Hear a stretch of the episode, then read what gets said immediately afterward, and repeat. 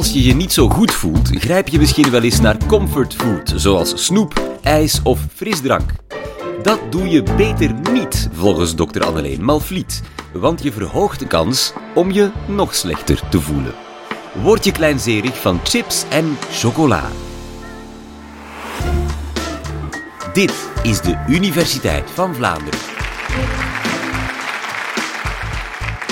Toch een beetje een rare vraag. Word je kleinzerig van suiker en vet? Wel, je kent allemaal de stelling je bent wat je eet en ik ga daar vanavond iets aan toevoegen. Je voelt ook wat je eet.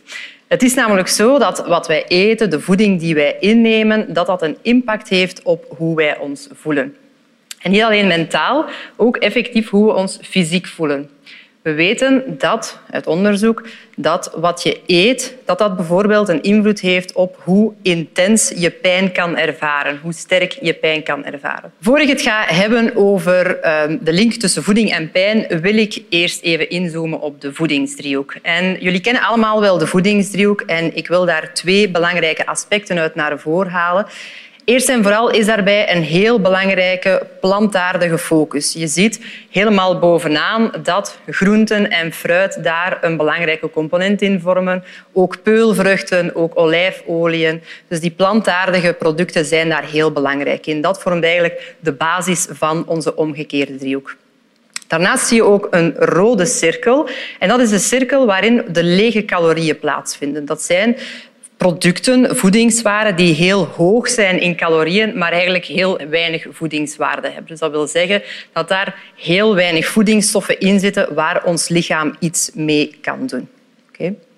Nu, heel belangrijk daarbij ook is dat er een balans moet zijn. Het is niet zo dat je die zaken uit die rode bol dat je die absoluut niet mag eten. Zolang je overwegend plantaardig eet, is het oké om af en toe bijvoorbeeld eens een handje chips te eten of een koekje te eten. Dat vormt geen probleem.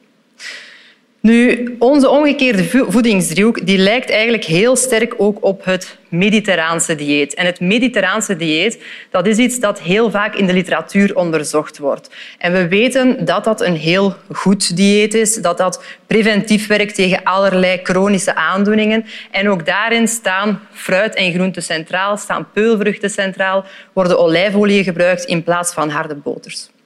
Je ziet dus dat zowel in onze omgekeerde voedingsdriehoek als in het mediterraanse dieet fruit en groenten heel belangrijk zijn. En daar wil ik ook in het pijnverhaal even op inzoomen. Ja, we weten allemaal, fruit en groenten zijn gezond. Maar waarom zijn die eigenlijk zo gezond? Wel, er zijn meerdere redenen. En ik wil inzoomen op één reden daarvan. En dat is namelijk dat zij antioxidanten bevatten. Antioxidanten, dat is zo'n term. We kennen dat allemaal, we hebben daar al eens van gehoord. Maar we weten misschien niet zo goed wat dat exact is en waarom dat die zo belangrijk zijn. Wel, het zijn onder andere essentiële vitaminen en mineralen die we dus terugvinden in onder andere groenten en fruit. En we hebben die antioxidanten nodig om te vechten in ons lichaam tegen vrije zuurstofradicalen. Vrije zuurstofradicalen, weer zo'n term, dat zijn eigenlijk een soort van afvalproducten die gevormd worden, een soort van bijproducten bij allerlei processen in ons lichaam. Als wij voeding afbreken, als ik in een appel bijt en die wordt afgebroken tot de uiteindelijke voedingsstoffen die mijn lichaam kan opnemen, wel, dan worden daar sowieso vrije zuurstofradicalen bij gevormd. Dat is een heel normaal proces en we hebben onze antioxidanten om dat te gaan counteren, om dat te gaan neutraliseren. Maar door heel wat invloeden van buitenaf kunnen er soms heel veel vrije zuurstofradicalen gevormd worden. Denk maar aan luchtverontreiniging, medicatie, alcohol, straling. Dat zijn zaken die ervoor zorgen dat er heel veel vrije zuurstofradicalen gevormd worden. Nu, ook ongezonde voeding zorgt voor veel vrije zuurstofradicalen. En als, er heel veel, ja, als je over, overwegend ongezond gaat eten, dan zal je natuurlijk minder fruit en groenten eten, dus minder antioxidanten hebben. En is er dus een opstapeling in het lichaam van die vrije zuurstofradicalen. Nu, dan komen we in een proces terecht dat we kennen als oxidatieve stress. Dat is een situatie waarin dat ons lichaam echt onder druk komt te staan. En die oxidatieve stress die is gelinkt aan heel wat chronische aandoeningen, ook aan snellere lichaamsveroudering, snellere celveroudering. Ehm, zelfs bepaalde types kankers worden aan die oxidatieve stress gelinkt. En ook een ontstekingsproces.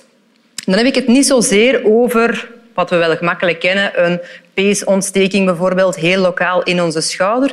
Nee, het gaat echt over een meer systemische ontsteking. Dat wil zeggen een soort van ontstekingsreactie die overal in het lichaam te vinden is, als ook in het centrale zenuwstelsel. het centrale zenuwstelsel zijn onze hersenen, dat is ons ruggenmerg. En het is daar dat we die link kunnen leggen met pijn. Normaal gezien, stel je hebt een sneetje in je vinger, dan is het niet jouw vinger die jou vertelt dat je pijn hebt. Het is pas wanneer dat signaal van je vinger naar je hersenen komt en je hersenen beslissen dat er dreiging is, dat er een gevaar is, dat er een probleem is, dat pijn geproduceerd wordt. Wel, als je lichaam in oxidatieve stress is, als er een ontstekingsreactie, een algemene ontstekingsreactie plaatsvindt in je lichaam, in je zenuwstelsel, in je hersenen, dan gaan je hersenen veel sneller pijn produceren, produceren veel intenser gaan reageren op die prikkels die binnenkomen en dus veel intenser pijn produceren. Dus op die manier zie je hoe we die link leggen tussen voeding en pijn. Nu, als we eens kijken naar ons eigen Vlaamse dieet, want dat is wel belangrijk, we kennen die voedingsdriehoek waar we naar moeten focussen, maar ons eigenste Vlaamse dieet is daar eigenlijk meestal niet zo goed op, uh, op afgestemd. Denk maar aan de typische klassiekers, hamrolletjes, steekfriet. Het zijn vaak gerechten waarin veel vlees centraal staat of waarin heel veel vetten zitten. En we weten dus dat die gelinkt zijn aan die oxidatieve stress, omdat er vaak net ook minder groenten, minder fruit geconsumeerd worden.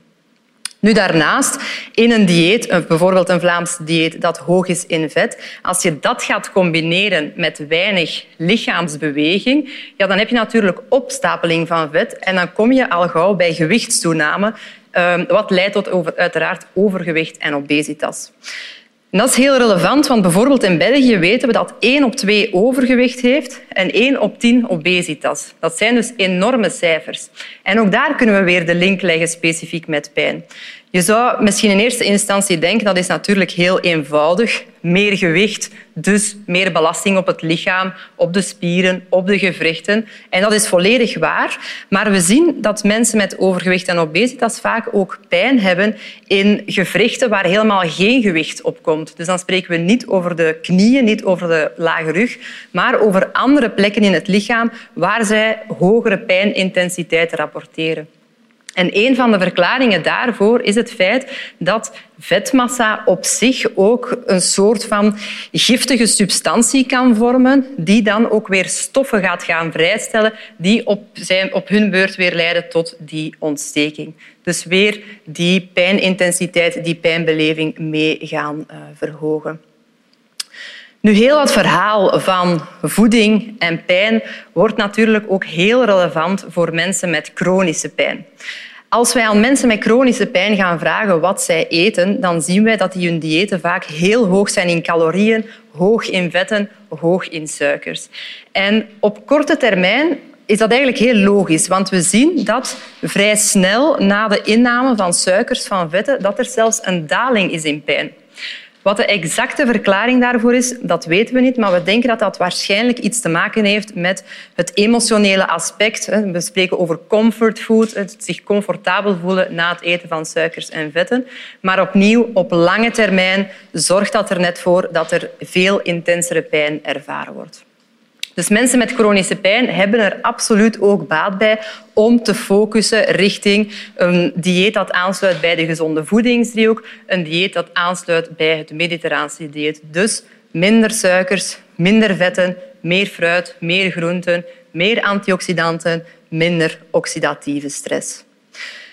Nu, Opnieuw is daarin het verhaal van balans natuurlijk belangrijk. Het is niet zo dat die mensen met chronische pijn dan niets mogen eten uit die rode bol, uit die lege calorieën. Als je een handvol ehm, bessen eet, dan gaat dat ook niet jouw, jouw ehm, verder ongezonde dieet volledig gaan counteren. Dus opnieuw is die balans in een gezond dieet ehm, ja, het, het, het belangrijkste. Dus om samen te vatten, word je kleinzerig van suiker en vet, ja, die hebben zeker een impact op je pijnintensiteit. Maar zeker ook voor mensen met chronische pijn is het wel belangrijker om niet alleen naar voeding te kijken. We weten dat chronische pijn eigenlijk een lifestyle-probleem is. Dus dat je daarnaast ook fysiek actief moet zijn, sedentair gedrag moet gaan vermijden, slaapproblemen moet gaan aanpakken als die er zijn, stressproblemen moet gaan aanpakken. Dus het is echt een multifactorieel probleem. Dus het handigste is, heb je last van chronische pijn, laat je daar zeker goed in begeleiden. Weet dat een gedragsverandering nodig is, dat dat niet eenvoudig is. Dus gun jezelf ook de tijd om die verandering aan te gaan.